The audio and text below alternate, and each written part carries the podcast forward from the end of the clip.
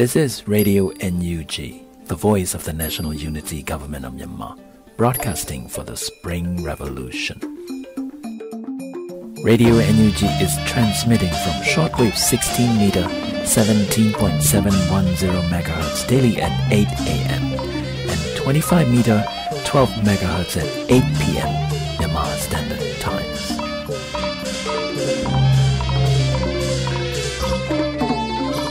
ဂလာပါခင်ဗျာအမျိုးသားညီညွတ်ရေးအစိုးရရဲ့အသံလွှင့်ဌာန Radio NUG ကိုမနေ့၈နိုင်မှာလိုင်းဒိုမီတာ16မီတာ18.87 MHz ညဘက်မှာလိုင်းဒိုမီတာ25မီတာ12 MHz တို့မှာတိုက်ရိုက်ဖမ်းယူနားဆင်နိုင်ပါပြီမင်္ဂလာအပေါင်းနဲ့ပြည့်စုံကြပါစေခုချိန်ကစပြီး Radio NUG အစီအစဉ်လေးကိုဓာတ်ရိုက်အသံလွှင့်ပေးနေပါပြီ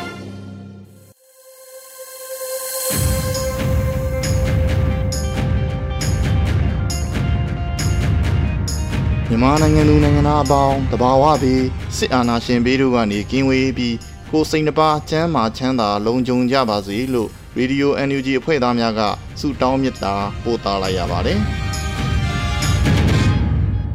အခုချိန်ကစပြီးရေဒီယို NUG ရဲ့နေ့စဉ်သတင်းတင်ဆက်မှုကို နားဆင်ကြရမှာပဲဖြစ်ပါတယ်ခင်ဗျာ။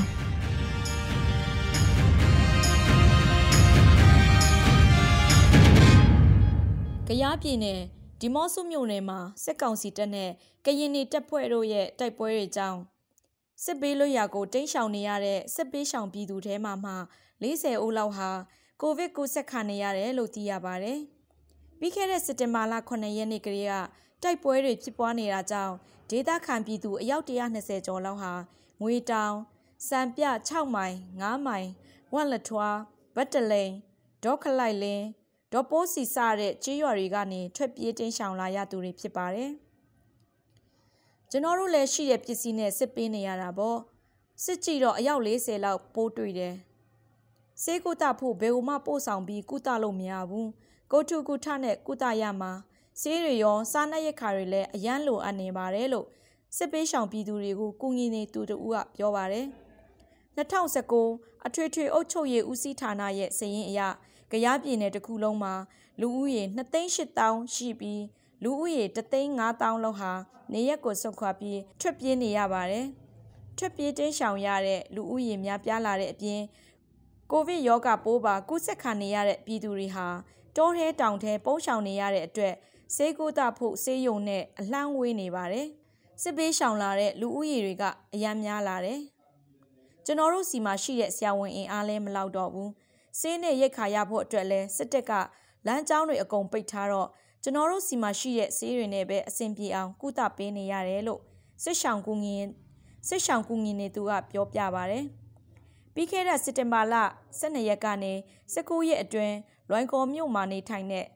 စစ်ပေးရှောင်တွေကိုစားနပ်ရိက္ခာနဲ့ဆေးဝါးဝယ်ယူပြီးပို့ဆောင်ပေးနေသူပြည်သူနှစ်ဦးကိုလည်းစစ်ကောင်စီတပ်ကဖမ်းဆီးခဲ့ပါသေးတယ်။ကြရပြည်နယ်အတွင်း ဒီမော့ဆိုမြို့နယ်နဲ့လွိုင်ကော်မြို့နယ်တို့မှာစစ်ကောင်စီတပ်နဲ့ကရင်နီတော်လှန်ရေးတပ်ကြားစစ်ရေးတင်းမာနေတဲ့အတွက်လမ်းမကြီးတွေပိတ်ထားခြင်းစစ်ကောင်စီတပ်ကတင်းကျပ်စွာစစ်ဆေးရေးတွေပြုလုပ်နေတာကြောင့်စစ်ပေးရှောင်ဒုက္ခသည်တွေအတွက်စားနပ်ရိက္ခာနဲ့ဆေးဝါးတွေတည်ယူဖို့အခက်အခဲတွေဖြစ်နေကြောင်းသိရပါတယ်။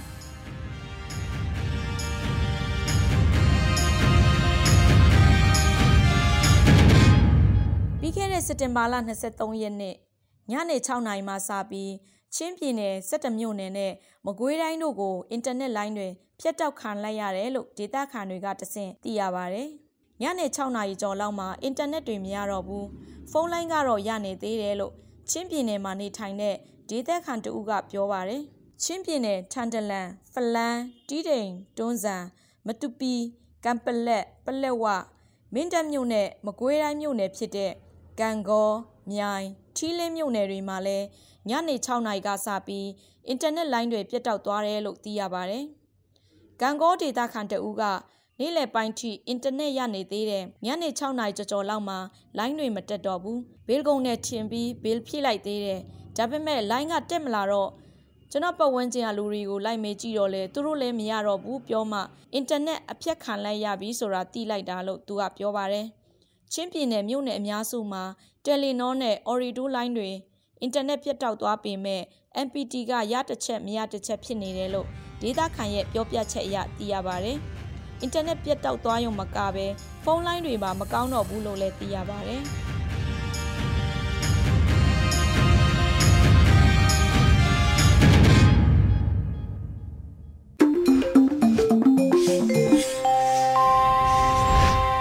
ရေဒီယို NUG မှဆက်လက်အတန်လွှင့်နေပါတယ်။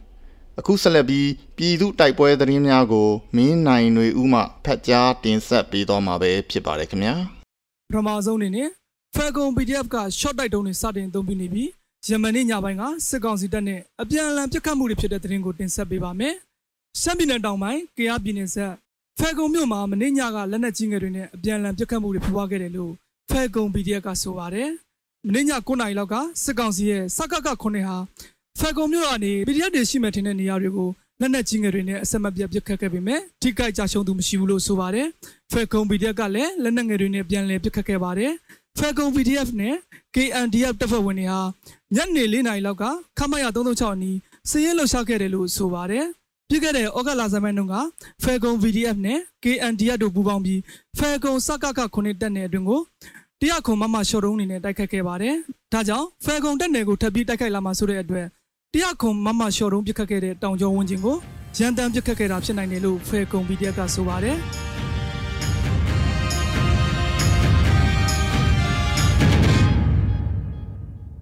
ဆက်လက်တင်ဆက်ပေးခြင်းတဲ့သတင်းကတော့ဒီမော့ဆိုကုန်းတော်ရွာအနီးယမန်ညကစစ်ကောင်စီနဲ့ထိတွေ့တိုက်ပွဲဖြစ်ပွားခဲ့ရာကင်းနီတပ်ဖွဲ့ပွဲမှာထိခိုက်မှုမရှိထိုင်းကင်နီနယ်ဆက်စစ်ကောင်စီစခန်းမှာတပ်သား3ဦးကင်နီတပ်မတော်ထံလာရောက်ပူးပေါင်းခဲ့တဲ့တဲ့တင်မှာ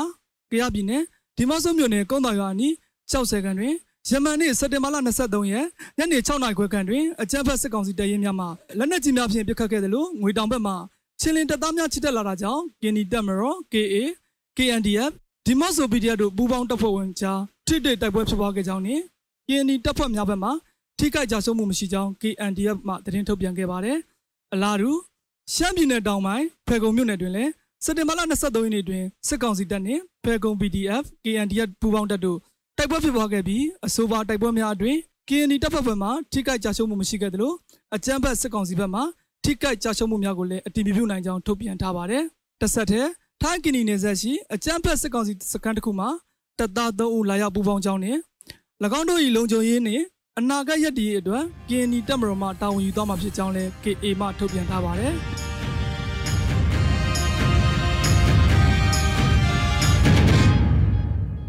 ဆက်လက်ပြီး စကိုင်းတိုင်းချောင်းမြို့နယ်ပြည်သူ့ကာကွယ်ရေးတပ်ဖွဲ့ကစက်တင်ဘာလ24ရက်နေ့ရက်စွဲနဲ့တတိပေးစာတစ်စောင်ထုတ်ပြန်ခဲ့ပါတယ်။အဆိုပါကြေညာချက်မှာချောင်းမြို့နယ်အတွင်းအကြမ်းဖက်စစ်ကောင်စီအုပ်ချုပ်ရေးရန်ရာ၏အခြေခံအကြဆုံးထောက်တိုင်များဖြစ်သောရက်ကွယ်ကြေးရအုပ်စုအုပ်ချုပ်ရေးမှုများအားလုံး30ရက်6လ2021နှစ်နောက်ဆုံးထား၍နှုတ်ထွက်ကြပါရန်တတိပေးလိုက်သည်လိုက်နာရန်ပြက်ကွက်ပါကမိတို့သောအကြောင်းပြချက်ဖြင့်ပြက်ကွက်သည်ဖြစ်စေချောင်းမြို့နယ်ပြည်သူ့ကာကွယ်ရေးတပ်ဖွဲ့အနေဖြင့် အကြမ်းဖက်စစ်ကောင်စီထောက်တိုင်များဖြစ်သတ်မှတ်၍ချင်းမုံတော်မူဖြစ်ကြောင်းတတိပေးလိုက်သည်အကြမ်းဖက်စစ်ကောင်စီရန်တရားအတွက်အခွန်အခါများကောက်ခံလျက်ရှိသည့်လျှက်စစ်ဌာနများနှင့်စီပင်ဌာနများမှဝန်ထမ်းများကိုလည်းချောင်းမြို့နယ်ပြည်သူ့ကာကွယ်တပ်ဖွဲ့အနေဖြင့်တတိပေးချက်ထုတ်ပြန်ထားပြီးဖြစ်သည်အဆိုပါတတိပေးချက်ကိုလည်းမပြတ်မကွက်လိုက်နာကြပါရန်နောက်ဆုံးအကြိမ်ပြင်းထန်စွာတတိပေးလိုက်သည်ချောင်းမြို့နယ်ပြည်သူ့ကာကွယ်တပ်ဖွဲ့လို့ပါရှိပါတယ်မနေ့ကချောင်း PDF ကဆွဲမိုင်းတိုက်ခတ်ခဲ့တာကြောင့်စစ်ကောင်စီကားတစ်စီးပျက်စီးခဲ့ပြီးထိခိုက်သေးဆုံးမှုတွေလည်းရှိခဲ့ပါသေးတယ်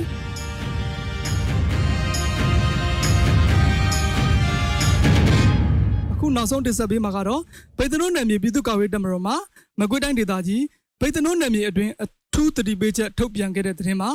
ကြေညာချက်အပြည့်စုံကတော့တစ်ကျွန်ုပ်တို့ဗိတ်သနိုးပြည်သူ့ကာကွယ်တပ်မတော်နယ်မြေအတွင်း၌စစ်ကောင်စီအလိုတော်ကြားဆောင်ရွက်ပေးလျက်ရှိသောစစ်သားများနှင့်ရဲတပ်ဖွဲ့ဝင်များစစ်ကောင်စီရန်တရားလက်ပတ်အောင်ဆောင်ရွက်ပေးနေသောဝန်ထမ်းများ၎င်းတို့၏မိသားစုဝင်များ၏အသက်အိုးအိမ်စီစဉ်များအားယခုချိန်မှစ၍လုံးဝလုံးဝတာဝန်ယူမဟုတ်ကြောင်းလေးလေးနက်နက်သတိပေးလိုက်သည်၎ င်းတို့၏မိသားစုဝင်အနေများဖြင့်လည်းမိမိတို့၏မိသားစုများဇနီးမယားများကိုအမှန်တရားဘက်ကရက်တည်ရန်တိုက်တွန်းစေလိုပါသည်နှင့်ကျွန်တော်တို့ဗိတ်တနုနယ်မြေပြည်သူ့ကာကွယ်တပ်မတော်အနေဖြင့်ပြည်သူ့ကာကွယ်တပ်ဖွဲ့များနှင့်ပူးပေါင်းကစစ်အာဏာရှင်စနစ်အမြင့်ပြုတ်သည့်အထိတိုက်ခိုက်သွားမည်ဖြစ်ပြီးပြည်သူလူထုအနေဖြင့်ပူးပေါင်းပါဝင်ကြပါရန်လေးစားစွာမေတ္တာရပ်ခံပါသည်အရေးတော်ပုံအောင်ရမည်ဗိတ်တနုနယ်မြေပြည်သူ့ကာကွယ်ရေးတပ်မတော်လို့ပါရှိပါတယ်ခင်ဗျာ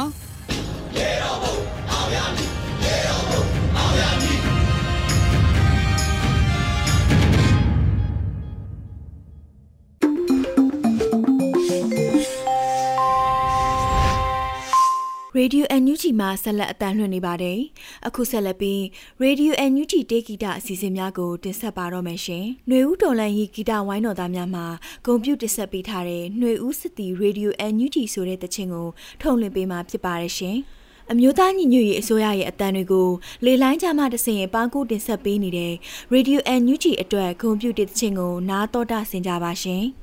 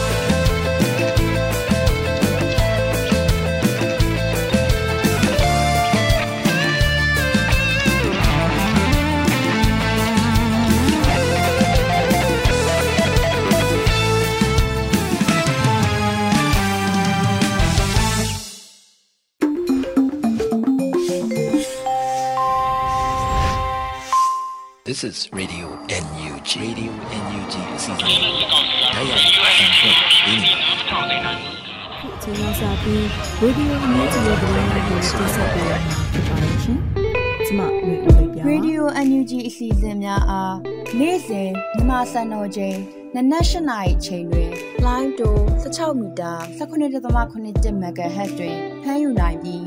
ညနေပိုင်းအစီအစဉ်များကို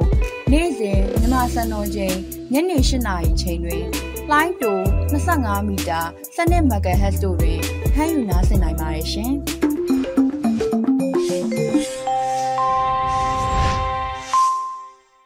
Radio NUG မှဆက်လက်တန်လွှင့်နေပါတယ်။အခုဆက်လက်ပြီးစောင်းမရှင်ကိုကျော်မြကြီးနာရေးသားတဲ့ခေါင်းဆောင်မှုနဲ့စာနာစိတ်ဆိုတဲ့စောင်းပါကိုຫນွေဦးဟန်ဒီမှဖတ်ကြားတင်ဆက်ပေးတော်မှာပဲဖြစ်ပါတယ်ခင်ဗျာ။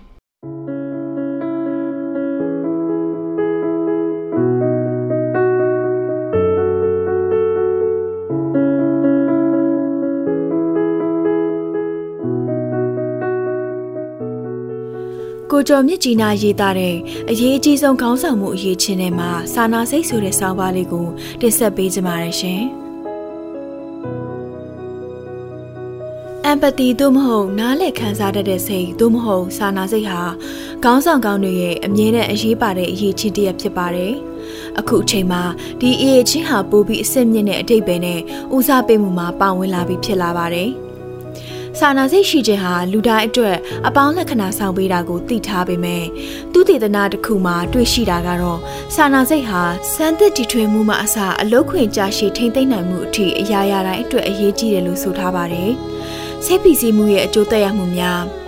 လေးလာတွေ့ရှိချက်အရကိုဗစ်ကပ်ရောဂါရဲ့အကျိုးသက်ရောက်မှုကြောင့်လူအများမှာမျိုးစုံသောစိတ်သောကဖိစီခံစားနေရပြီးနေ့စဉ်နေထိုင်မှုဘဝနဲ့အလို့အကင်များကမောက်ကမဖြစ်ကုန်ကြပါတယ်။ ဒီလိုအချိန်မှာစာနာစိတ်ကမရှိမဖြစ်လိုအပ်လာတဲ့အကြောင်းရင်းတစ်ခုလည်းဖြစ်ပါတယ်။ Quatrix ရဲ့ကမ္ဘာလုံးဆိုင်ရာလေလာဆန်းစစ်မှုတစ်ခုအရ52ရာခိုင်နှုန်းသောလူများကစိတ်ကြမ်းမာရေးကျဆင်းလာပြီး68ရာခိုင်နှုန်းကစိတ်ဖိစီးမှုပိုများလာပါတယ်။58ရာခိုင်နှုန်းသောလူများပူပင်သောကပိုများလာပါတယ်။28ရာခိုင်နှုန်းကအာယုံဆူဆိုင်မှုမှာအခက်အခဲရှိလာတယ်။20ရာခိုင်နှုန်းကအလုပ်တစ်ခုပြီးမြောက်ဖို့အချိန်ပိုကြာလာတယ်။ 15ရာခိုင်နှုန်းကတေချာစဉ်းစားဆုံးဖြတ်နိုင်မှုမရှိဘဲ12ရာခိုင်နှုန်းသောလူများကတာဝန်ယူမှုတွေကြားမှာပြားများနေရတယ်လို့ဖော်ပြထားပါတယ်။ University of Illinois ကသူတည်တနာပြုချက်အရဝန်ထမ်းများဟာအလုပ်ခွင်နဲ့ပတ်သက်ပြီးရိုင်းဆိုင်တဲ့အီးမေးလ်များလက်ခံရရှိခဲ့ရင်သူတို့ရဲ့ပုဂ္ဂိုလ်ကနေထိုင်မှုဘဝတွေအထိအထူးသဖြင့်ဘဝလက်တွဲပေါ်များနဲ့မှာပြဿနာတွေရှိလာတယ်လို့ဆိုပါတယ်။ Carleton University မှာလေးလာတွေ့ရှိချက်ကတော့လုပ်ငန်းခွင်ထဲမှာကောင်းမွန်စွာဆက်ဆံခြင်းမခံရသူများက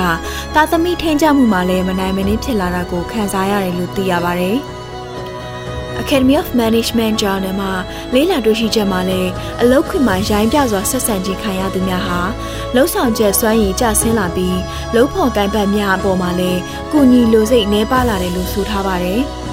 အလုတ်ခွင်ဖိနှိပ်ဆက်ဆံရေးတိုးများလာပြီးစိုးကျိုးသက်ရောက်မှုကျယ်ပြန့်လာကလှုပ်ဆောင်ချက်ကြဆင်းမှုပူပေါင်းဆောင်ရွက်လိုမှုအားနည်းလာမှုဝယ်ယူစားသုံးခြင်းများနဲ့ဆက်ဆံရေးချို့ယွင်းလာမှုနဲ့လုပ်ငန်းခွင်ပြောင်းရွှေ့မှုပိုများလာတယ်လို့ Georgetown University မှာတွေ့ရှိချက်များမှာလည်းဖော်ပြထားပါတယ်။စာနာစိတ်မှာအပေါင်းလက္ခဏာရလက်ကောင်းတို့ ကျွန်တော်တို့အားလုံးခက်ခဲတဲ့ကာလကိုဖြတ်သန်းနေရပြီးစိတ်ပြတ်မှုများနဲ့အလုတ်ခွင်ပျော်ရွှင်မှုနှဲပါနေတဲ့အချိန်မှာစာနာစိတ်ကလူတဦးချင်းနဲ့အသင်းဖွဲ့တွေအတွက်ကိုပါအစွမ်းထက်တဲ့ကုတုံတရက်ဖြစ်နိုင်ပါတယ်။ Catalyst ရဲ့သူတည်နာပြုလုပ်ချက်အသစ်တစ်ခုမှာဝန်ထမ်းပေါင်း889ယောက်ပါဝင်ခဲ့ပြီးစာနာစိတ်ဟာတိတာထင်ရှားပြီးအပြုသဘောဆောင်တဲ့အကျိုးသက်ရောက်မှုကိုဖြစ်စေတာကိုတွေ့ရှိခဲ့ရပါတယ်။ စာနာထောက်ထားမှုရှိတဲ့ခေါင်းဆောင်တွေကြောင့်ဝန်ထမ်းများဟာပိုပြီးစမ်းသစ်တည်ထွင်နိုင်တယ်။အလုံးမှာစိတ်ဝင်စားမှုပိုရှိလာတယ်။အလုတ်ကင်ပြောင်းလဲမှုကျဆင်းသွားတယ်။နောက်ပြီးတော့အလုတ်ခွင်နဲ့မိသားစုဘဝကိုပိုပြီးကောင်းမွန်စွာကင်တွယ်လာနိုင်တာကိုတွေ့ရပါတယ်။ Evolutionary Biology Journal မှာဖော်ပြထားချက်အရလုပ်ငန်းခွင်ဆိုင်ရာဆုံးဖြတ်ချက်များချမှတ်ရမှာစာနာစိတ်ပါဝင်လာခြင်းအပြင်ပူးပေါင်းဆောင်ရွက်မှုမြင့်မားလာပြီးလူအများကိုလည်းစာနာစိတ်ပိုပြီးဖြစ်ပေါ်လာစေတယ်လို့ဆိုထားပါတယ်။ Quatrix ရဲ့နောက်ထပ်တွေ့ရှိချက်တစ်ခုကခေါင်းဆောင်များမှာစာနာစိတ်ပိုရှိတယ်လို့အများကထင်မြင်လာကြတဲ့အခါသူတို့ရဲ့စိတ်ပိုင်းဆိုင်ရာကျန်းမာရေးကလည်းပိုပြီးကောင်းလာတယ်လို့သိရပါတယ်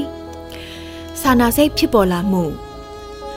စစာနာစိတ်ရှိမှုဟာမွေးရပါဖြစ်တယ်လို့ထင်ရပါတယ်။ Lund University ရဲ့လေးလာချက်တစ်ခုမှာကလေးငယ်များဟာနှစ်နှစ်အရွယ်လောက်ကတည်းကတခြားလူများမှာသူတို့နဲ့ထင်မြင်ယူဆချက်ကွဲပြားတာကိုခံစားနိုင်စွမ်းရှိတယ်လို့ဆိုပါတယ်။ University of Virginia ရဲ့လေ့လာချက်မှာတော့လူတွေဟာသူတို့ရဲ့တငယ်ချင်းမိတ်ဆွေများချိန်ချောက်မှုကိုကြုံတွေ့ရတဲ့အခါမှာသူတို့ကိုယ်တိုင်ကြုံတွေ့ရတဲ့အခါလိုမျိုးမှာပဲတူညီတဲ့အုံနောက်အစိပ်ပိုင်းနေရာကနေခံစားမှုဖြစ်စေတယ်လို့ဆိုပါတယ်။ လူတွေဟာသူတို့မိတ်ဆွေတငယ်ချင်းများလှုပ်ဖို့ကိုင်းပဲများခံစားရတယ်လို့ပဲတူညီတဲ့ခံစားချက်ဖြစ်စေတယ်လို့သိရပါတယ်။အထက်ပါဖော်ပြချက်အားလုံးကစာနာစိတ်ဟာလုပ်ငန်းခွင်မှာဖြစ်စေမိသားစုဘဝမှာဖြစ်စေကျွန်တော်တို့လူသားတွေရဲ့အရေးကြီးတဲ့အစိပ်ပိုင်းတစ်ခုဖြစ်တာကို ပြသနေတာဖြစ်ပါတယ်။စာနာစိတ်နဲ့ဥဆောင်မှာခေါင်းဆောင်သူများဟာစာနာစိတ်ကိုနီလန်းနှမျိုးနဲ့ပြသပါတယ်။ ပထမတစ်မျိုးကတော့တခြားလူတဦးရဲ့နေရာမှာအစားထိုးပြီးအတွေးခံစားချက်ကိုနားလည်သိမြင်အောင်စဉ်းစားပေးနိုင်တဲ့အရေးအချင်းဖြစ်ပါတယ်။အကယ်၍ငါသာသူ့နေရာမှာဖြစ်ခဲ့ရင်ငါဘယ်လိုမျိုးခံစားမိမှာလဲနောက်တစ်မျိုးကြတော့စိတ်ခံစားမှုနဲ့တခြားလူရဲ့ခံစားချက်အတိုင်းနားလည်ပေးမှုဖြစ်ပါတယ်သူ့နေရာမှာသာဆိုရင်ငါလည်းခံစားမိမှာပဲဒါပေမဲ့ အောင်မြင်တဲ့ခေါင်းဆောင်များဟာတခြားလူများရဲ့ခံစားချက်ကိုနားလည်သဘောပေါက်အောင်ထည့်သွင်းစဉ်းစားပေးနိုင်အောင်မကဘဲသူတို့ကိုယ်တိုင်ထင်မြင်ယူဆချက်အခက်အခဲနဲ့ပတ်သက်ပြီးစုံစမ်းမေးမြန်းမှုများကိုပွင့်လင်းစွာထုတ်ဖော်ပြောဆိုပြီးတခြားလူများရဲ့တုံ့ပြန်မှုကိုလည်းသေချာနားထောင်ပေးကြပါတယ်။ခေါင်းဆောင်များကသူ့လက်အောက်ငယ်သားများအပေါ်ဂရုစိုက်မှုနဲ့တတိပြုမှုရှိကြောင်းကိုပြသဖို့စိတ်ကြမ်းမာရေးပညာရှင်ဖြစ်နေစရာမလိုအပ်ပါဘူး။ မိမိရဲ့ဝန်ထမ်းများကိုတတိပြုပါမင်းမြတ်စုံစမ်းမှာသူတို့ရဲ့အတွေ့ခံစားချက်ဘလောက်အတိုင်းထာထိထုတ်ဖော်ဝေမျှကျင်တာကိုအရေးအခြေအနေကြည့်ပါဒီလောက်ဆိုရင်ပဲလုံလောက်ပြီဖြစ်ပါတယ်ကြီးမားတဲ့ခေါင်းဆောင်မှုမှာလက်တွေ့လှုပ်ဆောင်ချက်ရှိဖို့လည်းလိုအပ်ပါတယ်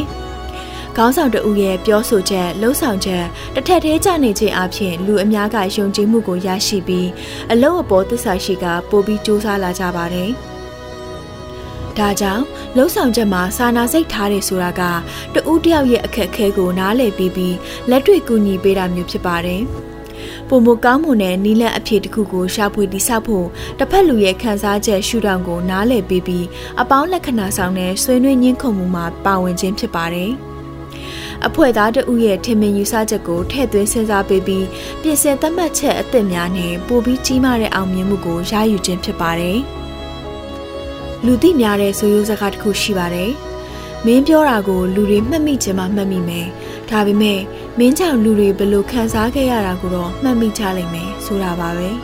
။ဒီကုန်းချုပ်အချုပ်အဖြစ်ဆိုရရင်စာနာစိတ်ချောင်အပေါင်းလက္ခဏာဆောင်တဲ့ဆက်ဆံရေးနဲ့အဖွဲ့အစည်းဆိုင်ရာယဉ်ကျေးမှုများဖြစ်လာစေတဲ့အပြင်အကျိုးရလဒ်များလည်းဖြစ်ထွန်းစေပါတယ်။ စာနာစိတ်ရှိခြင်းဟာအခုမှပေါ်လာတဲ့အရေးချင်းတစ်ခုမဟုတ်ပေမဲ့ပိုပြီးအရေးပါတဲ့အဆင့်တန်းတစ်ခုကိုရောက်နေပါပြီ။နောက်ပြီးတော့ယခုအချိန်နဲ့အနာဂတ်လုပ်ငန်းခွင်မှာခေါင်းဆောင်မှုအရေးချင်းပြည့်မီဖို့စာနာစိတ်ကိုဘလို့တိဆောက်ပြီးဖော်ထုတ်ပြသရမယ်ဆိုတာကိုသူတည်တနာအသစ်မှရှင်းလင်းထင်ရှားစွာဖော်ပြထားပါကြောင်းတင်ဆက်ပေးလိုက်ရပါတယ်ရှင်။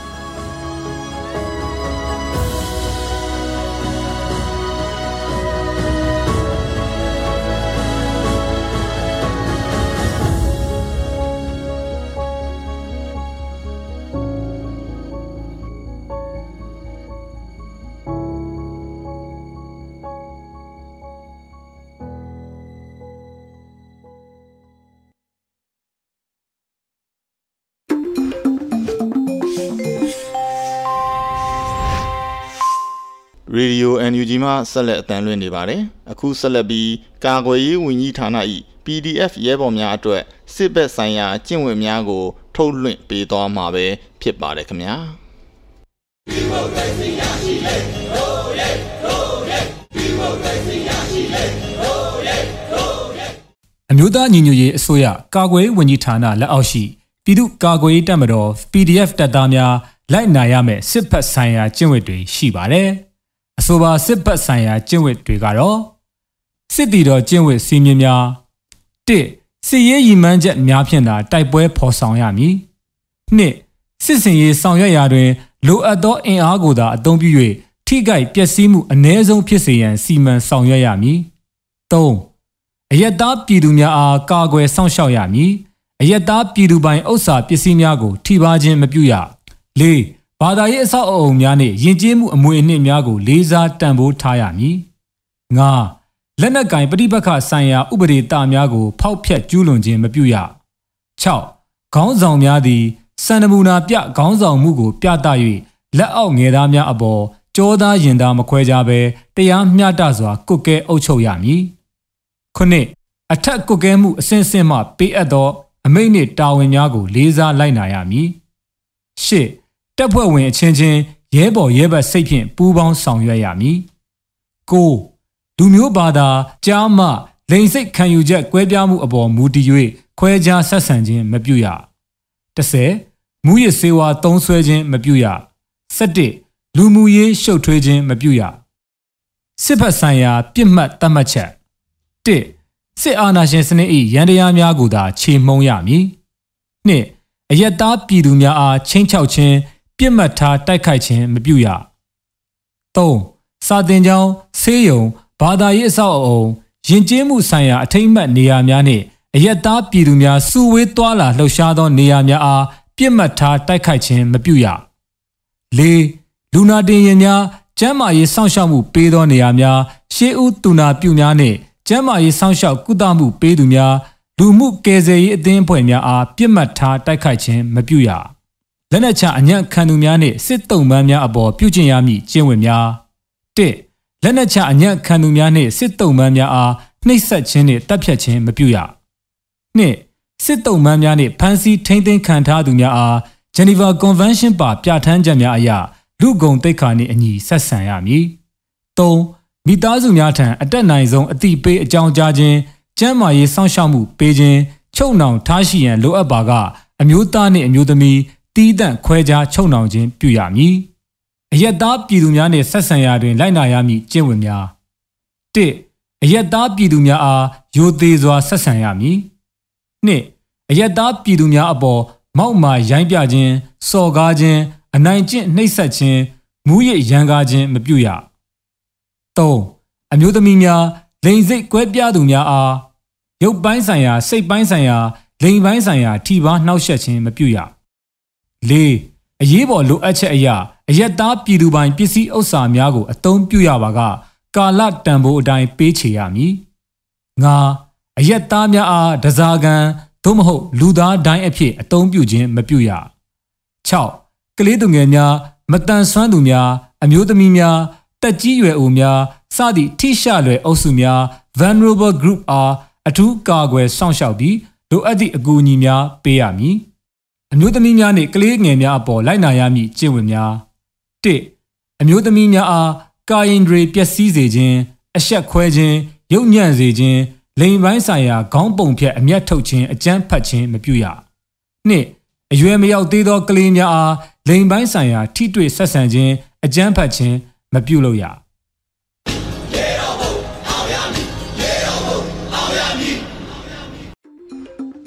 ဒီကနေ့တော့ဒီညနဲ့ပဲ Radio NUG အစီအစဉ်လေးကိုကိတ္တရန်နာလိုက်ပါမယ်မြမစံတော်ချိန်မနေ့၈နာရီညနေ၈နာရီတို့မှာပြန်လည်တွေ့ဆုံကြပါစို့ Radio NUG ကိုမနက်၈နာရီမှာ flight meter 16 meter 19.87 MHz ညဘက်မှာ flight meter 25 meter 12 MHz တို့မှာတိုက်ရိုက်ဖမ်းယူနားဆင်နိုင်ပါပြီ။မြန်မာနိုင်ငံသူနိုင်ငံသားများ ကိုစိတ်နှပြချမ်းမာချမ်းသာလို့ဘေးကင်းလုံခြုံကြပါစေလို့ Radio NUG အဖွဲ့သူအဖွဲ့သားများဆုတောင်းပေးလိုက်ပါတယ်။အမျိုးသားညီညွတ်ရေးအစိုးရရဲ့ဆက်သွယ်ရေးသတင်းအချက်အလက်နဲ့ဤပညာဝန်ကြီးဌာနကထုတ်လွှင့်နေတဲ့ Radio NUG ဖြစ်ပါတယ်။ San Francisco Bay Area ခြေဆိုင်မြန်မာမိသားစုများနဲ့နိုင်ငံတကာကစေတနာရှင်များလုံအားပေးများရဲ့ Radio NUG ဖြစ်ပါတယ်။အရေးတော်ပုံအောင်ရမည်